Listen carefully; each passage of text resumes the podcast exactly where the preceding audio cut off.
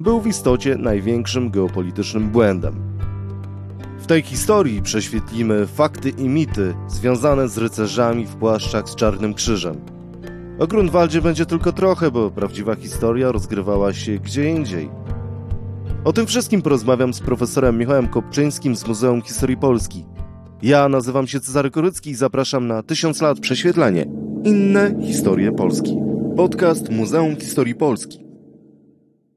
Część pierwsza. Fałszerze i rycerze.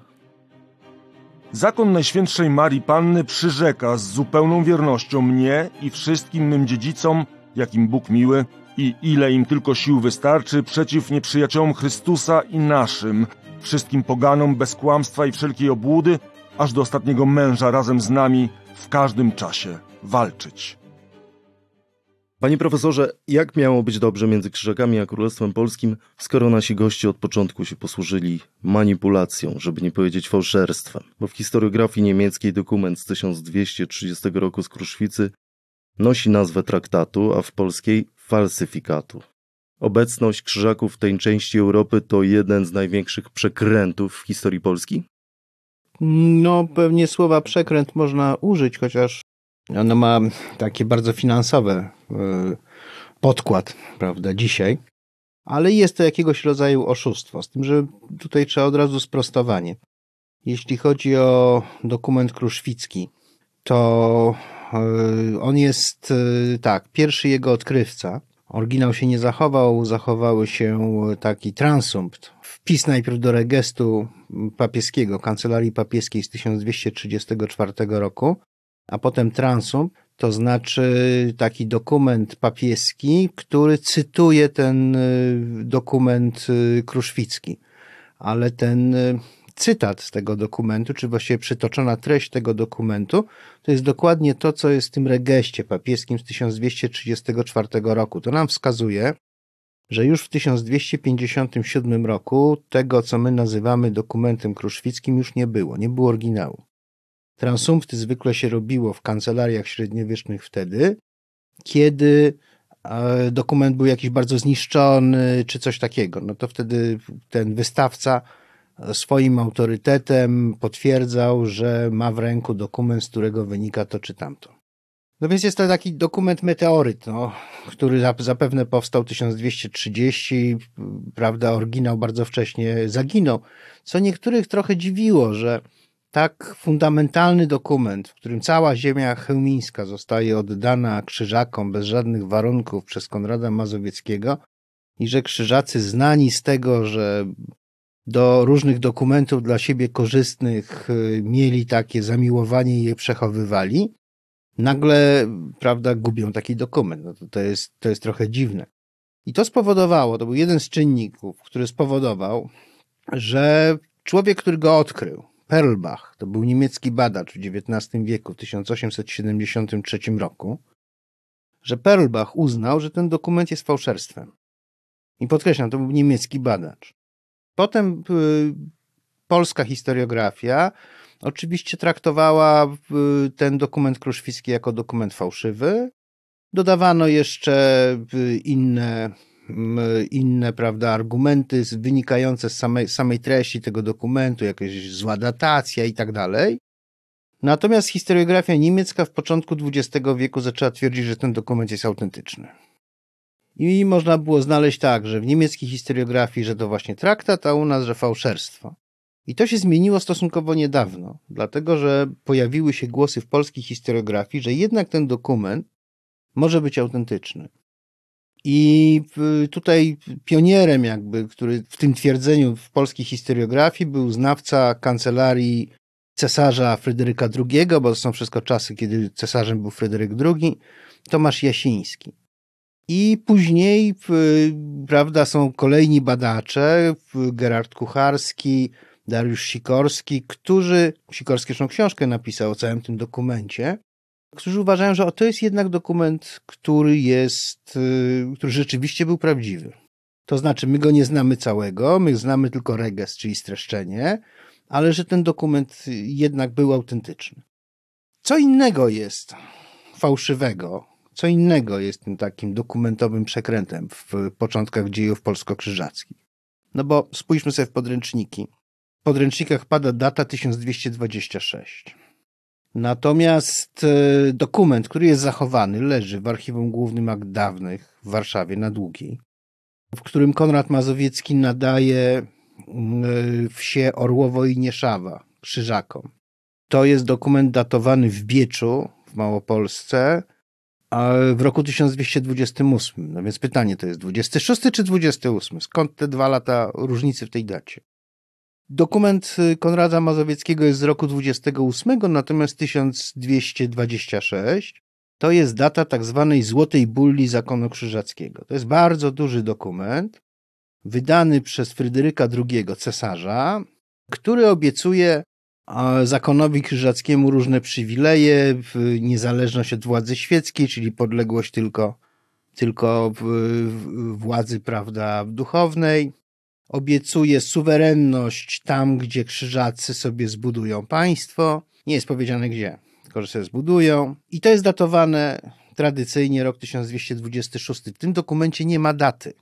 W ogóle nie ma, nie jest, nie jest podana natomiast jest e, tak zwyczajowo. Stąd w podręcznikach polskich, zresztą niemieckich też, 1226. I problem polega na tym, że Złota Bulla nie jest z roku 1226, co udowodnił Tomasz Jasiński.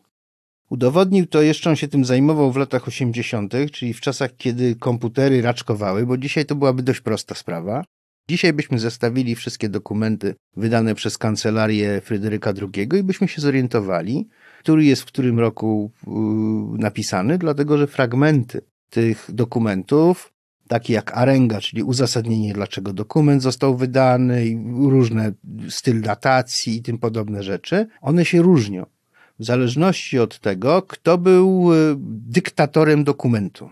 Bo dokumenty powstawały w ten sposób, że był dyktator, czyli człowiek, który dyktował, co ma być, i jakiś tam pisarz, który to spisywał.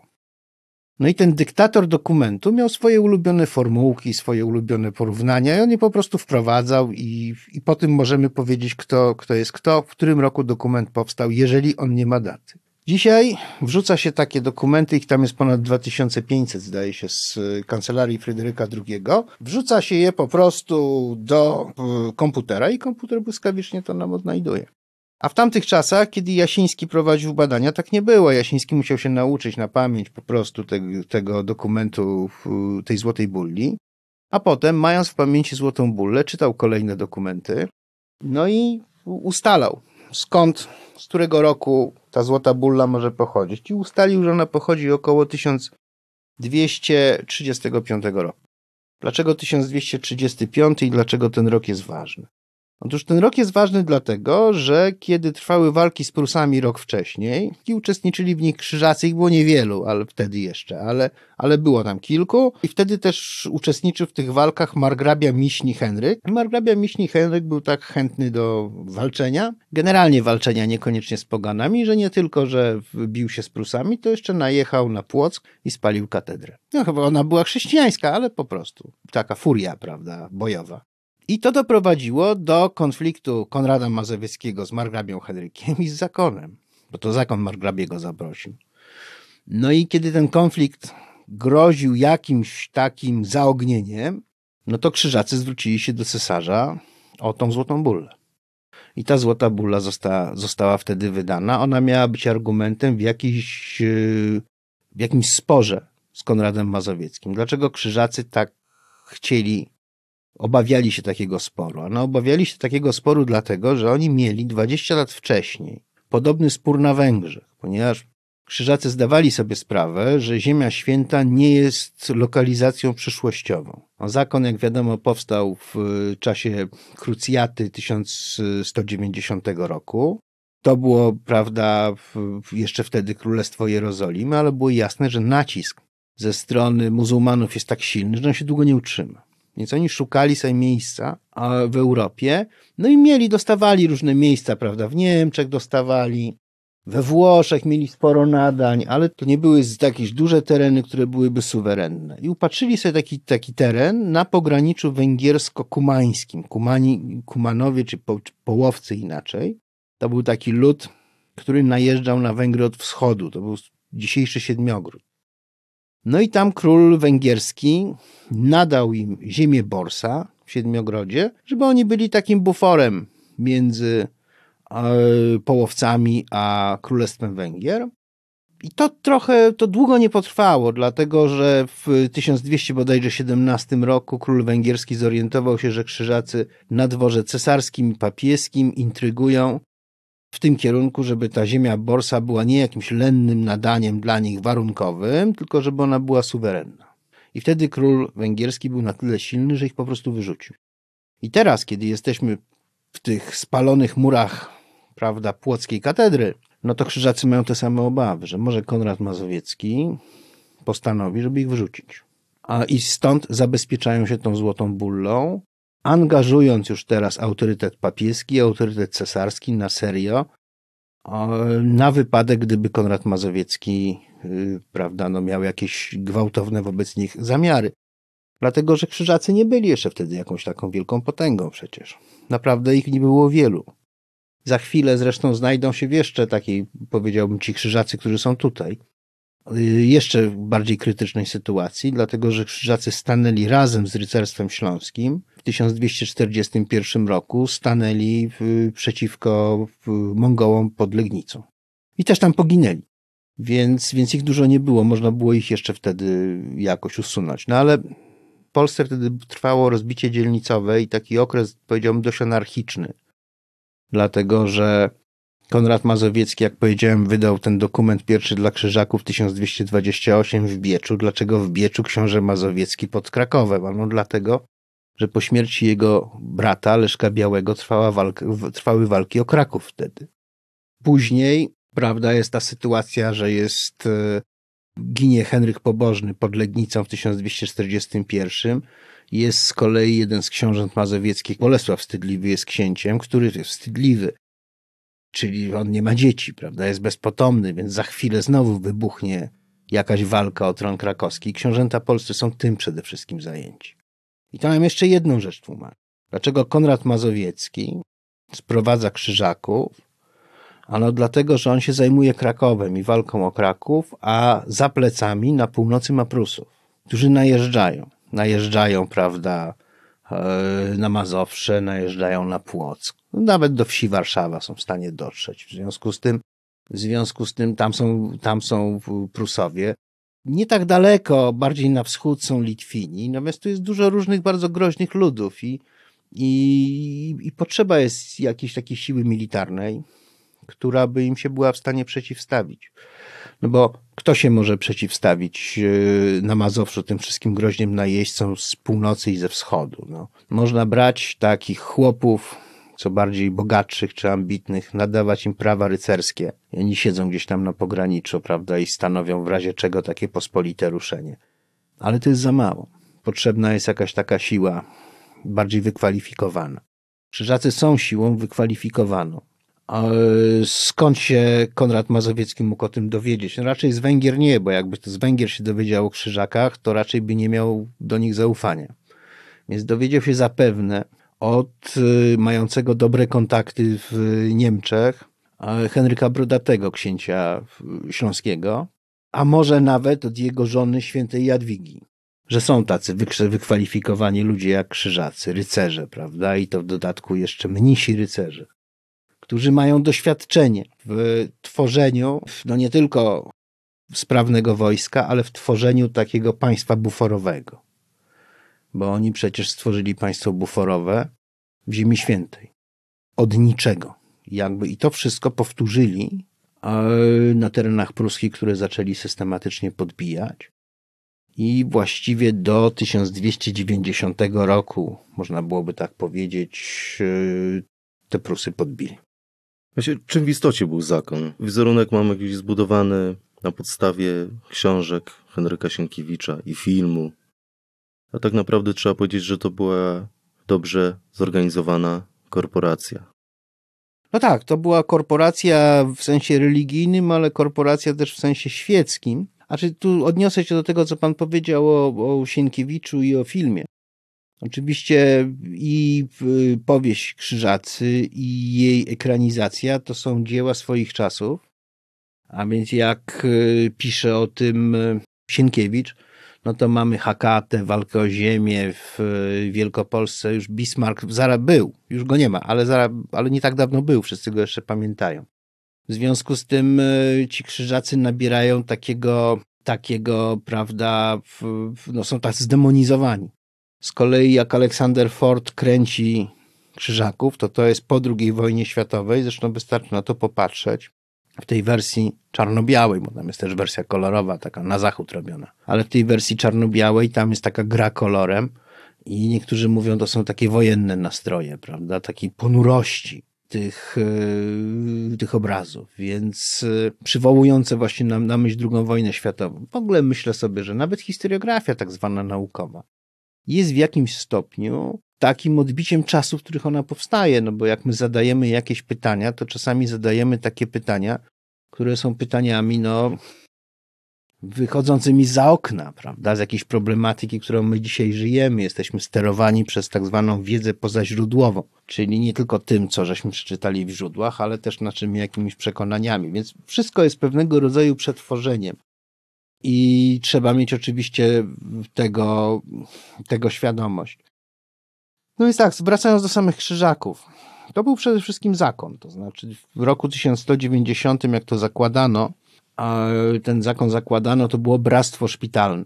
Dlatego, że było sporo rycerzy i pielgrzymów niemieckich w Ziemi Świętej i oni nie mieli własnych szpitali, a szpitale były te, które prowadzili templariusze czy janici były, no powiedzmy sobie, przeludnione i w dodatku oni, templariusze brali głównie Francuzów, i ani się brali głównie Włochów, no więc potrzebne było coś, coś dla Niemców. I to była stosunkowo nieistotna instytucja, bym powiedział, aż do czwartego wielkiego mistrza w początku XIII wieku, w pierwszych latach, został nim Hermann von Salza. I ten zakon zaczął żyć własnym życiem dzięki kontaktom przede wszystkim Hermana von Salza z y, cesarzem Fryderykiem II bo to jest, ten taka, to jest taka fundamentalna postać dla dziejów zakonu. I on zaczął żyć własnym życiem i był pewnym sposobem też na życie. Dla kogo? Bo to jest pytanie, kto tam wchodził w skład tego. Główna część, główna ta, ta największa siła, ten władza, mózg tego zakonu, to są bracia rycerze. Czyli to są ci, którzy chodzą w białych płaszczach z czarnym krzyżem. To muszą być tak. To muszą być Niemcy, i muszą pochodzić z Niemiec. To znaczy nie może być tak, że to będzie jakiś akulturowany człowiek, który jest pochodzenia pruskiego. Albo powiedzmy, że jakiś polski rycerz chciałby zostać krzyżakiem. Nie ma szans na to. To muszą być Niemcy z Niemiec. Najczęściej są to ludzie wywodzący się, tak jak Hermann von Salza zresztą, z dość niskich sfer rycerskich. Spośród tak zwanych ministeriałów. To jest albo któryś syn jakiejś takiej ustabilizowanego rycerza, albo ministeriał. Kto to są ministeriałowie? To jest taka specjalna grupa rycerstwa niemieckiego. Rycerze, którzy są rycerzami, mają status rycerzy z nadania cesarskiego, ale nie są ludźmi wolnymi osobiście. To znaczy oni jeżdżą zawsze z cesarzem. Problem cesarza polegał na tym, że cesarz w Rzeszy był księciem. On był jeden z, jeden z książąt, który był wybierany.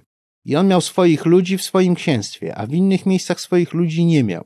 W związku z tym to był sposób na zbudowanie sobie drużyny, która będzie z tym cesarzem jeździć wszędzie. W dowolną część Niemiec, w dowolną do Włoch, prawda? Oni muszą przy nim być po prostu. No i ci ministeriałowie, no oni mają swoich synów, czasem więcej niż jednego, nie mają dużo posiadłości. Jeżeli coś mają, to to jest jakaś jedna wieś czy coś takiego. Nie można tego podzielić. W związku z tym idealnym miejscem jest oddać syna do zakonu. A tutaj ma możliwości kariery już naprawdę aż do wielkiego mistrza, jak pokazuje przykład e, Hermana von Zalca. Więc jest to dobra kariera.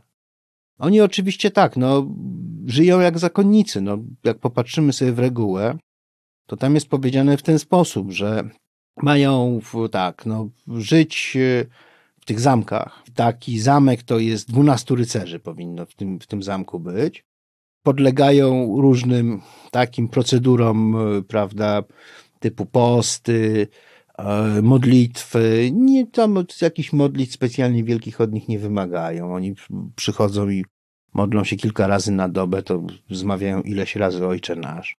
Chyba raz dziennie mają obowiązek zmówić wierę w Boga. Charakterystyczne jest to, że nie ma, że różaniec, że zdrowaś Mario nawet nie mówią, chociaż to jest zakon maryjny, prawda? Ale tam nie ma żadnego kultu maryjnego. To, to takie jest towarzystwo samych facetów, prawda? Drugą, znaczy mają, oczywiście nic, nic do nich nie należy.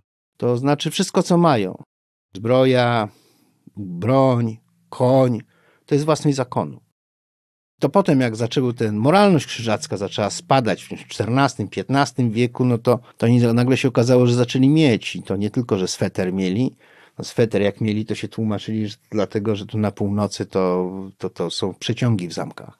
I w związku z tym muszą mieć coś prywatnego do ubrania, ale mieli na przykład kości do gry. No co już jest, co już było przestępstwem.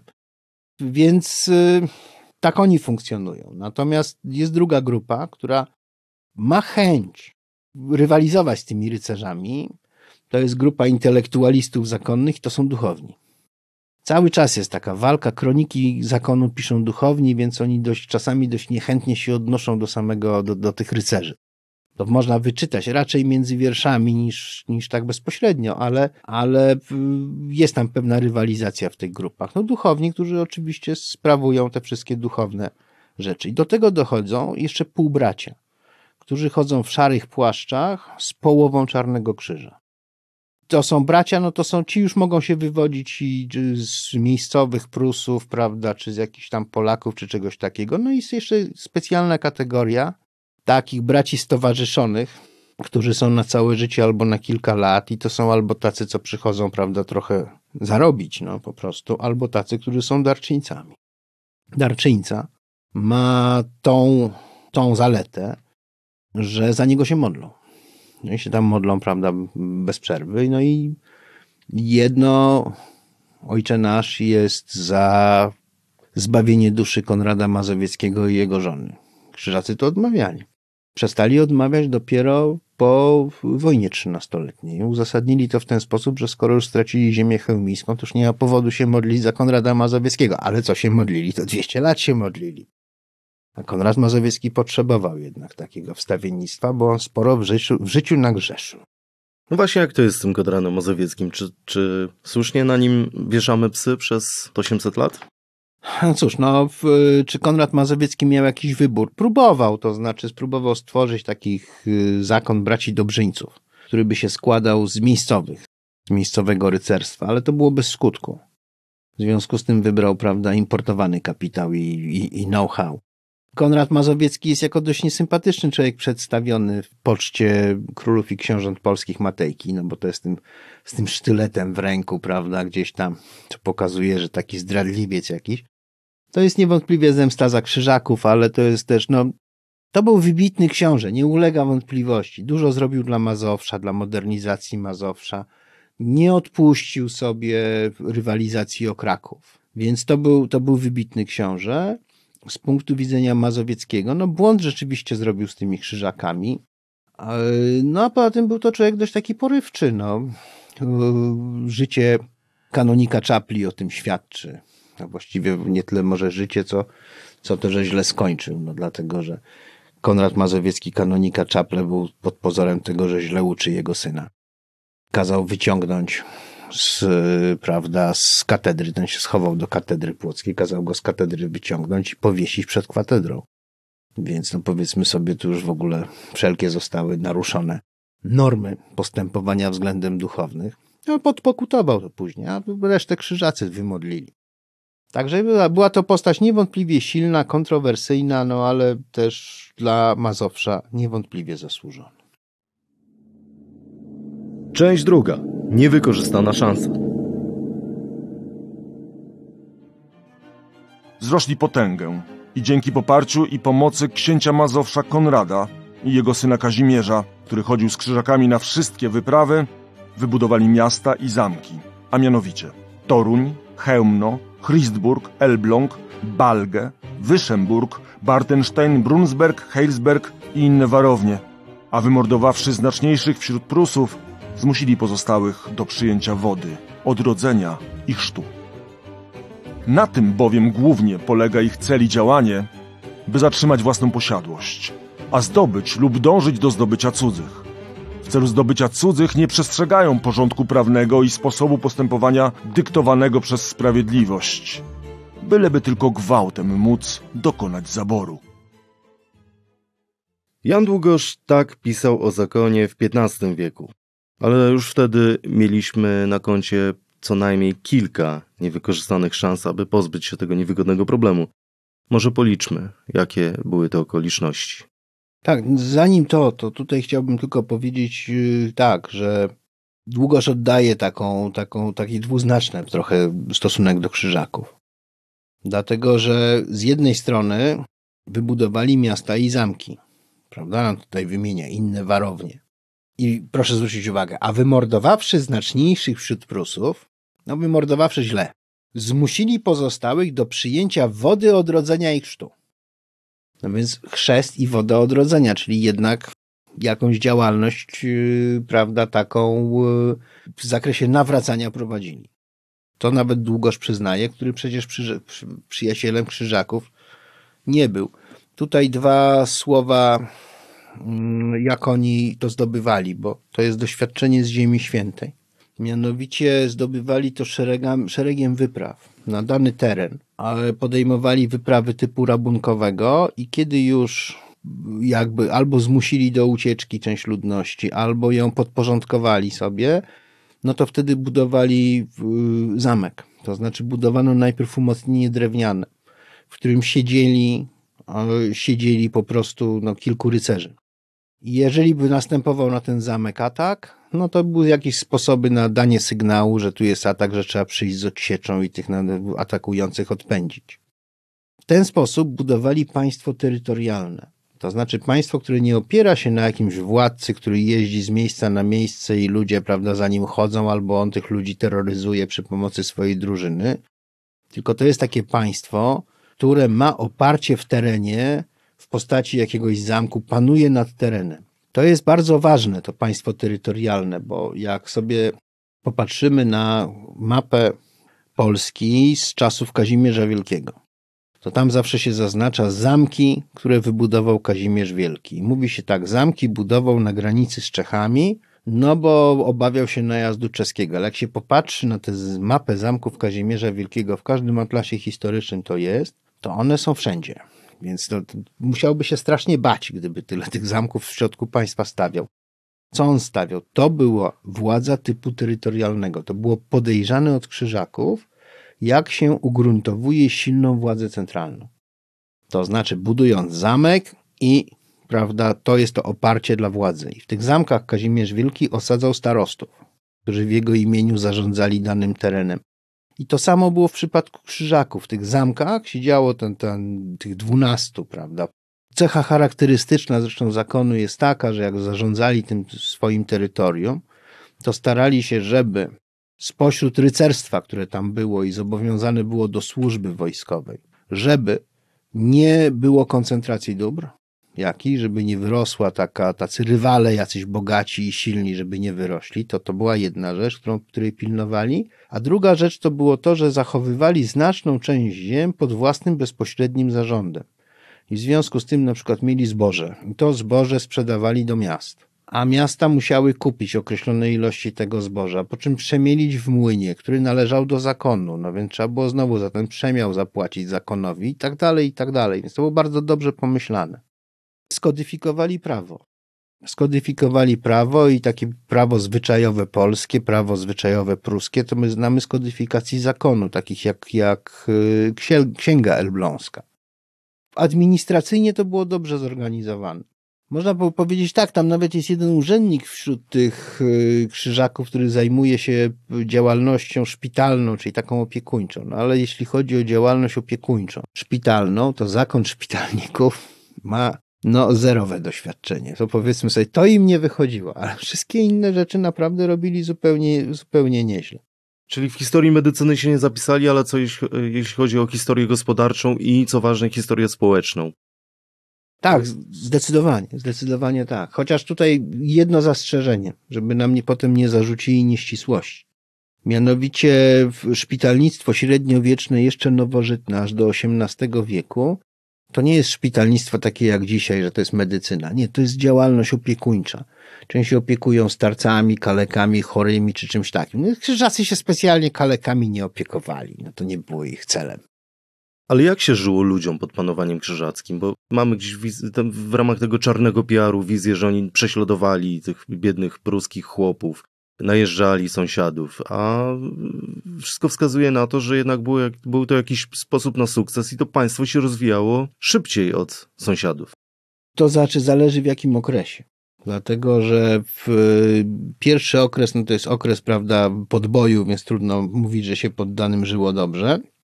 Potem jest okres rozkwitu, to jest mniej więcej wiek XIV, a wiek XV to już jest okres kryzysu, dlatego że to są wojny z Polską, które niosą za sobą zniszczenia terytorialne i to świadomie zresztą, takie niszczenie terytorium przez, przez y, polskie i litewskie rycerstwo, co powoduje z kolei zwiększenie nacisku fiskalnego na własnych poddanych, czyli miasta muszą coraz więcej zboża kupić, coraz wyższe są stawki za przemielenie tego zboża w młynie należącym do zakonu, coraz większe są różnego rodzaju opłaty, coraz większe są naciski na rycerstwo. Że na przykład w przypadku dziedziczenia, no to cała ziemia należąca, prywatna, należąca do rycerza idzie w ręce zakonu. I zakon mu oddaje. On miał trzy wsie, a zakon mu oddaje jedną jego synowi na przykład, a pozostałe sprzeda jakimś innym, prawda? Czy coś takiego. Jeszcze podatku się do tego domagali. I w, nie można było pójść do sądu, bo sąd był krzyżacki, no więc w związku z tym wiadomo było, że sąd krzyżacki rozstrzygnie spór między poddanym a krzyżakiem, czy nawet rycerzem, a zakonem krzyżackim na korzyść zakonu a mamy do czynienia, jesteśmy w XV wieku, kiedy powszechną formą ustrojową już jest w Europie e, monarchia stanowa, tak zwana, to znaczy taka monarchia, w której suwerenność jest podzielona pomiędzy władcę a poddanego. Są zgromadzenia stanowe, prawda, i tak dalej. Wszędzie są, a w zakonie, w państwie krzyżackim nie ma. I to w końcu prowadzi do buntu poddanych, co się zaczyna od 1440 roku, tak na dużą skalę, kiedy powstaje Związek Pruski, który domaga się zwołania stanów pruskich, prawda, i traktowania tych poddanych. No, oni nie kwestionują jeszcze państwa krzyżackiego, ale domagają się traktowania poważnego, jakiegoś kompromisu, tak jak wszędzie w koło Natomiast zakon się na to nie godzi i chce tych przywódców po prostu wyaresztować, jeszcze ich oskarża o herezję. Zanim to się wydarzyło, był początek XV wieku i największa bitwa średniowiecznej Europy, choć nie wiem, czy to jest prawda, że to była największa bitwa średniowiecznej Europy, ale dlaczego nie zakończyła się ona sukcesem? Świętujemy sukces, ale to nie był sukces w 410 roku. Nie no, był sukces. To znaczy, my teraz sobie, to nie był sukces taki jak, nie wiem, jak powiedzmy zrzucenie dwóch bomb atomowych na Hiroshima i Nagasaki i następnego dnia się Japonia poddaje. No to nie są tego typu sukcesy.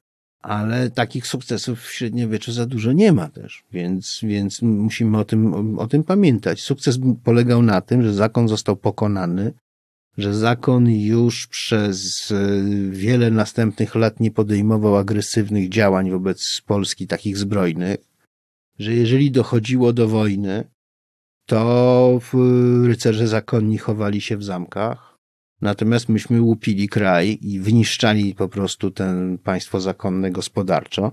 W związku z tym to sukces, to jednak był sukces. Znaczy, jeżeli spojrzymy do tyłu, to były w zasadzie same militarne porażki z jednym może remisem, bo to są, są te sławne bitwa pod Płowcami, która była remisem. Dlatego, że tam e, wojska polskie zaatakowały Straż Tylną Krzyżacką. Główna grupa takiej, tak, takiej grupy siły, takie, które najechały na Wielkopolskę. One już wyruszyła z obozu, a tylne te składali obóz i Polacy zaatakowali, rozbili i zaczęli rabować to, co pozostało po nich. No i wtedy główne siły wróciły. I skolejone siły polskie, no, zastali ich przy rabunku już, więc, więc trudno, trudno się dziwić, że wygrali. A jak się patrzy w relacje kronikarzy, czy to Długosza, czy relacje kroniki krzyżackiej, to widać, że tam jest na przykład, jak mówią o liczbie poległych i liczbie wziętych do niewoli, to pada ta sama liczba ze strony polskiej, ze strony krzyżackiej ta sama, tylko że odnosi się, prawda, do krzyżaków albo do Polaków. Natomiast to pokazuje, że to chyba był remis. Natomiast Polska odnosiła sukcesy, takie powiedziałbym dyplomatyczne. To były procesy.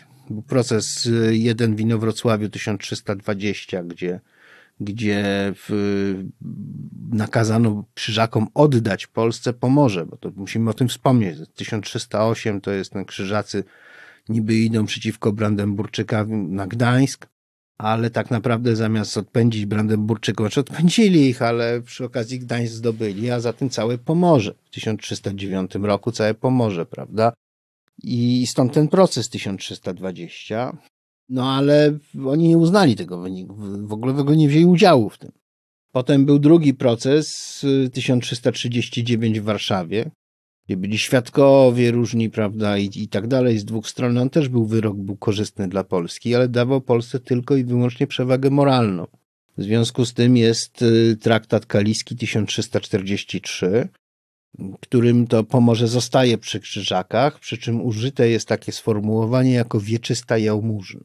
No co znaczy wieczysta, no, czyli niby na zawsze, no ale jałmużna, więc jałmużny się nie odbiera, ale jest to takie jakieś przynajmniej retoryczne przypomnienie, że to nie jest coś, co do nich tak naprawdę należy, czy należało od zawsze, do czego mają takie prawa, jak chociażby do tych, do tych ziem pruskich. Więc, więc tak, no, były te próby oczywiście też za Kazimierza Wielkiego, były te próby takich sądów, bo te sądy, o których powiedziałem, to były sądy duchowne, natomiast były takich sądów, prawda, z, gdzie król Węgier i król Czech no ale to też nic nie dawało, dlatego że król Czech był zawsze z krzyżakami, a król Węgier był po naszej stronie. Więc powiedziałbym tak, myśmy tak dużo sukcesów przed Grunwaldem nie mieli. I w końcu Kazimierz Jagiellończyk po wojnie trzynastoletniej odbiera krzyżakom Gdańsk. Czy nie można było więcej osiągnąć? No odbiera całe Pomorze, całe Pomorze Gdańskie. To jest bardzo dużo. Powiem tak, na samym początku tej wojny ona się zaczęła od tego, że 8 marca 1454 roku poselstwo poddanych krzyżackich przyjeżdża do Krakowa, wypowiada posłuszeństwo zakonowi i proszą Kazimierza Jagiellończyka o objęcie, objęcie opieką i no, przyjęcie ich do Polski. Potem jest straszna klęska e, nasza pod Chojnicami. Niepospolite ruszenie podnosi klęskę z rąk, e, z rąk e, wojsk zakonnych. I potem następuje właśnie pomoc znowu ze strony Gdańska i miast pruskich, które dysponowały dużą gotówką. No i w, tą gotówką, ponieważ zakon też wyczerpał swoje środki finansowe, w związku z tym nie był w stanie zapłacić najemników, których wynajął. Związek Zawodowy Najemników, można by powiedzieć, z takim Czechem Ulrykiem Czerwionką na na czele, no po prostu zażądał, kto dał więcej. Zakon nie był w stanie dać, no ale Polska dała, czyli Gdańsk dał, ale też nie tyle, ile się ci najemnicy domagali. W związku z tym stanęło na tym, że przekazali nam Malbork, znaczną część zamków krzyżackich, natomiast Wielkiego Mistrza nie. I Wielkiego Mistrza żeśmy odwieźli pod eskortą. Odwieźliśmy do Królewca i wojna trwała dalej. Teraz już tylko wojska najemne walczyły między sobą. Ze zmiennym szczęściem, to znaczy są polskie zwycięstwa tutaj dominują w tej, w tej, w tej walce, ale, ale generalnie rzecz biorąc, w pewnym momencie się środki skończyły. W związku z tym y, drugi pokój toruński, który już jest, y, on już jest no, taki korzystny, bo to, co zostało z zakonu krzyżackiego, czyli tam ze stolicą w królestwie, w królewcu, to jest, y, to jest lenno polskie. Więc wydawałoby się, że to jest sytuacja, sytuacja korzystna. Także to jak najbardziej, no myślę, że to był jednak sukces. Część trzecia. Smutna twarz Stańczyka. Przyjaciel Jana Matejki, historyk Józef Szujski w XIX wieku surowo recenzował to ważne wydarzenie w historii Polski, czyli hołd pruski.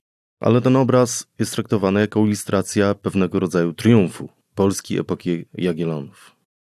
Tak, to znaczy trzeba sobie zdawać sprawę, że 1525 rok nie wziął się gdzieś tam znikąd. To znaczy jego poprzedza wojna, która trwa 4 lata. A wojna polsko-krzyżacka, wojna, która jest no taka trochę komiczna, czy tragikomiczna z tego względu, że My zaciągamy najemników, po czym się okazuje, że nie mamy pieniędzy, żeby im zapłacić. Oni przechodzą na stronę krzyżacką, ale potem zakon też nie ma im, żeby im pieniędzy, żeby im zapłacić. I, I, w związku z tym to jest taka wojna, która trwa, prawda, właściwie no, w tym tle tego są próby dokonania reform skarbowych. W Polsce Zygmunt y, Stary usiłuje je przeprowadzić, ale bez skutku oczywiście, bo wchodzimy już w nowy etap wojsk nie pospolitego ruszenia, tak taniej wojny, tylko wchodzimy w etap wojsk najemnych, które są szalenie kosztowne. I to wiele państw w tym czasie ma takie problemy z tym. No i my też te, te problemy mamy. A więc wiadomo, że ta wojna się militarnie nie rozstrzygnie. Teraz trzeba to jakoś rozstrzygnąć inaczej. Są różne koncepcje z polskiej strony. Jedna z takich koncepcji, która gdyby weszła w życie, to prawdopodobnie by ten problem rozwiązała. To była koncepcja Jana Dantyszka. Żeby takim wielkim mistrzem honorowym został król Polski. Nie musi być zakonnikiem, ale będzie takim patronem tego, tak jak w przypadku e, zakonów hiszpańskich. Tam król był prawda, w, honorową głową tego zakonu i żeby tam mogli wstępować kto chce. No czyli Polacy by wstąpili, w końcu krzyżacy, może nie krzyżacy, Niemcy z Niemiec, prawda, by wymarli i byłby taki polski zakon krzyżacki i potem na przykład by się zreformował albo coś takiego by się zrobiło i by się przyłączyło.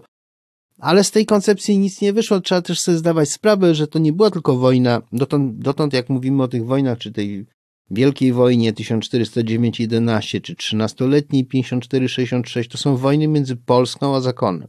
Ewentualnie Litwa wchodzi w grę. Natomiast tutaj, w początku XVI wieku, mamy jeszcze dodatkowe siły międzynarodowe, które, które tutaj patrzą się na to, co się dzieje. To znaczy, z jednej strony jest Moskwa, która jest chętna, prawda, żeby, żeby jakoś wspierać zakon, bo Moskwa walczy z Litwą. Z drugiej strony są Habsburgowie, którzy też są chętni, żeby wspierać zakon. Nie bardzo mają czym go wspierać zresztą, podobnie jak i Moskwa, no ale przynajmniej moralnie. Więc, więc tutaj jest taka gra na kilka frontów już teraz. Jagiellonowie są zainteresowani Litwą, Jagiellonowie są zainteresowani tym, co się dzieje w, prawda, w Czechach i na Węgrzech, a to jest już tylko trzeci front. I w związku z tym gotowi są na na hołd pruski. Hołd pruski jest, powiedzmy sobie tak, jest triumfem. Jest triumfem. Dlaczego? Dlatego, że zakon został zlikwidowany. Zakon został sekularyzowany. Albrecht Hohenzollern jest księciem luteraninem, który stracił poparcie ze strony cesarza, stracił poparcie ze strony papieża i właściwie ma tylko jednego sojusznika. I tym jednym, jednym sojusznikiem jest jego senior, czyli Zygmunt I. Zygmunt Stary. Tylko Polska go popiera. Więc wydawałoby się, że on jest w naszych rękach. Rzeczywiście jest, bo to my patrzymy, czy Matejko patrzył z perspektywy późniejszej, XIX-wiecznej, gdzie już było wiadomo, co się stało później, że prawda, to księstwo pruskie, że połączyły się dwie linie Hohenzollernów, czyli Hohenzollernowie z Prus z Hohenzollernami z Brandenburgii, tworząc Królestwo Prus w 1701 roku, że to Królestwo Prus, prawda, przestało, znaczy no w pewnym momencie, znaczy wzięło udział w rozbiorach Polski i tak dalej. To było w ogóle inna rzeczywistość. No ale czy możemy oskarżyć Zygmunta Starego, któremu się wydawało, że ma absolutnie w ręku Albrechta Hohenzollerna, czy możemy go oskarżyć za to, za błędy, które zrobili? Najpierw Stefan Batory, zajęty wojną z Moskwą, prawda, i różnymi planami wojny z Turcją, który się zgodził na to, żeby opiekę nad nienormalnym synem Albrechta Hohenzollerna sprawował jego kuzyn z Brandenburgii, a potem e, Zygmunt III, który też był zajęty wojną ze Szwecją i wojną z Moskwą, i jeszcze wojną z Turcją, który z kolei zezwolił na to, że po śmierci tego nienormalnego syna Albrechta Hohenzollerna całe Prusy książęce przeszły pod władzę Hohenzollernów brandenburskich. To było prawie 100 lat po hołdzie pruskim. Na czym polegała pomyłka dla, prawda, Stefana Batorego? Na czym polegała pomyłka Zygmunta III? Natomiast nie oskarżajmy o to o Zygmunta Starego. Chód pruski było też ciekawym wydarzeniem z innego punktu widzenia, bo to był taki moment, w którym Polska się wykazała wyjątkową tolerancją. Katolicki król zawarł formalny układ, pierwszy w historii układ z władcą kraju luterańskiego, z heretyckim państwem. Tak, tak, oczywiście. To znaczy, mając w tym y, polityczny interes. Wkrótce później król Francji e, zawarł y, traktat o pokoju i ogólnej przyjaźni, nie może być o współpracy, z sułtanem tureckim, myśląc o tym, żeby w ten sposób e, od tyłu szachować e, arcykatolickiego cesarza. Zresztą król Francji nosił akurat tytuł arcykatolicki. W związku z tym to takie podejście do e, ideałów religijnych i w ogóle generalnie do do wartości, podejście instrumentalne do wartości w, tutaj się pojawia. To znaczy, pan powiedział, że to jest tolerancja, ja powiem, że to jest podejście, liberalne podejście do wartości. No i tak, no, ja bym, nie, myślę, że to nie jest dowód tolerancji, dlatego że ten sam Zygmunt Stary potrafił wydawać jakieś dekrety w, przeciwko luteranom. Co prawda, żadnego z nich nie wyegzekwował. Czy to jest dowód tolerancji? Czy jest to dowód liberalnego podejścia do wartości? Nie wiem. No ale to oczywiście dobrze, że nie wyegzekwował tych, nie, nie palił na stosach. No. No puśćmy trochę może wodze, może nie fantazji, ale takiej e, historycznej analizy, jakby się potoczyły losy Europy Środkowej, gdyby w 1525 roku jednak to państwo zostało brutalnie wcielone do korony. Nie wiem, jakby się potoczyły, to znaczy od razu się poddaje. Podda Dlaczego się poddaje w tym? Dlatego, że takie, co by było gdyby? To można powiedzieć tak, już Leopold von Ranke, ojciec nowoczesnej naukowej historiografii, mówił, że zadaniem historyka jest dochodzenie wie es eigentlich gewesen, czyli jak to właściwie było, a nie co by było gdyby, prawda? No ale zostawmy to, to wyjaśnienie. Moim zdaniem e, można takie eksperymenty myślowe robić, na przykład w historii gospodarczej. Co by było, gdyby nie było kolei? Bo na to pytanie można odpowiedzieć. Jakby nie było kolei, to byłyby przewozy kanałami. A różnica w kosztach transportu na kanałach i na kolei jest taka i taka, i ta, gdyby transport był droższy, to dochód narodowy byłby niższy o tyle i tyle. Jestem w stanie to powiedzieć, policzyć i powiedzieć liczbowo. Ile procent PKB to jest kolej. Natomiast historia polityczna jest procesem tak całkowicie przypadkowym, że, znaczy tyle decyzji zapada przypadkowo, prawda? Że tutaj ja po prostu jestem bezbronny. Nie mam żadnej takiej dyscypliny umysłowej, która by mi po pozwoliła powiedzieć, byłoby tak albo tak. Bo tego się nie da policzyć, bo tu jest za dużo po prostu, po prostu przypadkowości, więc jest tylko taka swobodna lewitacja mózgu. Także tu poddaję się. Prześwietlenie. Inne historie Polski. Podcast Muzeum Historii Polski. Podcastów 1000 lat prześwietlenie wysłuchasz na YouTube, Spotify, Google Podcast, w Audiotece, a także na innych platformach podcastowych. Chcesz być na bieżąco? Subskrybuj kanał Muzeum Historii Polski.